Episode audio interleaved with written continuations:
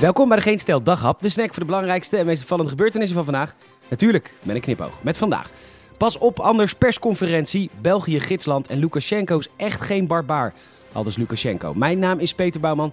Dit is het nieuws van maandag 22 november.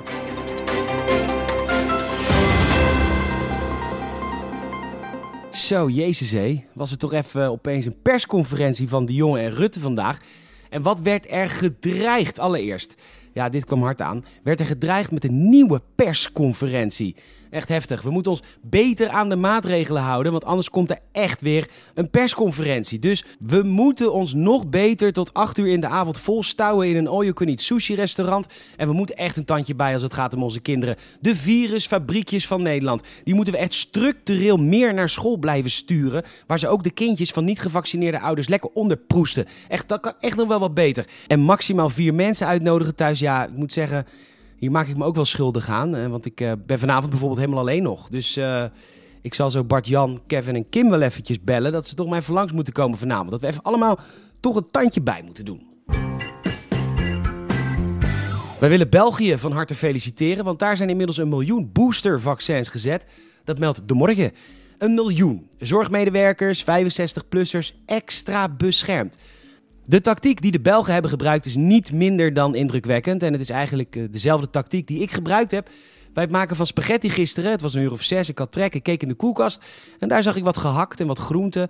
En in de voorraad la lag nog spaghetti en wat tomatensaus. Alles lag op de plank en dus ben ik lekker aan het koken gegaan. En het was heus niet perfect, maar belangrijker, ik ben het gewoon gaan doen. Net zoals de Belgen het gewoon zijn gaan doen. Goed gedaan Belgen, baken van tactiek en strategie. Echt knap.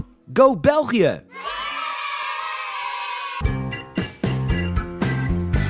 Dat PostNL een walgeluk en frauduleus bedrijf is, mogen al langer duidelijk zijn. Alleen in Nederland knijpen we liever een oogje toe. Sterker nog, elk jaar komt PostNL weer met drogredenen om de prijzen van postzegels te verhogen. Ja, want mensen versturen minder post, dus moet een postzegel wat duurder. En ja, dat PostNL dat zegt is logisch, maar dan komen die totaal hersenloze laven van de autoriteit Consument en Markt en die de verhogingen moeten goedkeuren. Oh ja, mensen versturen minder post, dus moet een postzegel wel echt duurder worden. Heel logisch. Nou ja, niet. Want mensen versturen ieder jaar weer meer pakketjes. En dat is ook nog onbetaalbaar. En bovendien worden die pakketjes bezorgd door ZZP'ers. Die worden uitgebuit. Nou ja, in Nederland vinden we dat allemaal prima. In België bestaat er iets als uh, gezag. Het laatste nieuws ging undercover en bevestigde wat iedereen al weet. PostNL buit zijn chauffeurs uit. En dus zijn sociale inspecteurs al daar langs geweest en is er inmiddels één depot gesloten. En wedden, volgend jaar PostNL.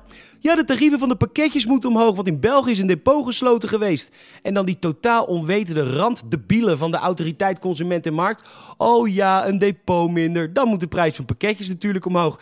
Ja, sorry, hoe kut moet je land zijn als België opeens je gidsland is geworden? Dictator van Wit-Rusland, Lukashenko, is geen barbaar. Phew. Ja, dat wilde hij toch even duidelijk maken richting Polen vandaag. Polen moet niet gaan denken dat hij een barbaar is. Gelukkig maar. Je biedt duizenden mensen een vlucht naar je land om ze vervolgens te laten verpieteren in de vrieskou in een bos aan de grens. Maar het is geen barbaar, aldus Lukashenko dan.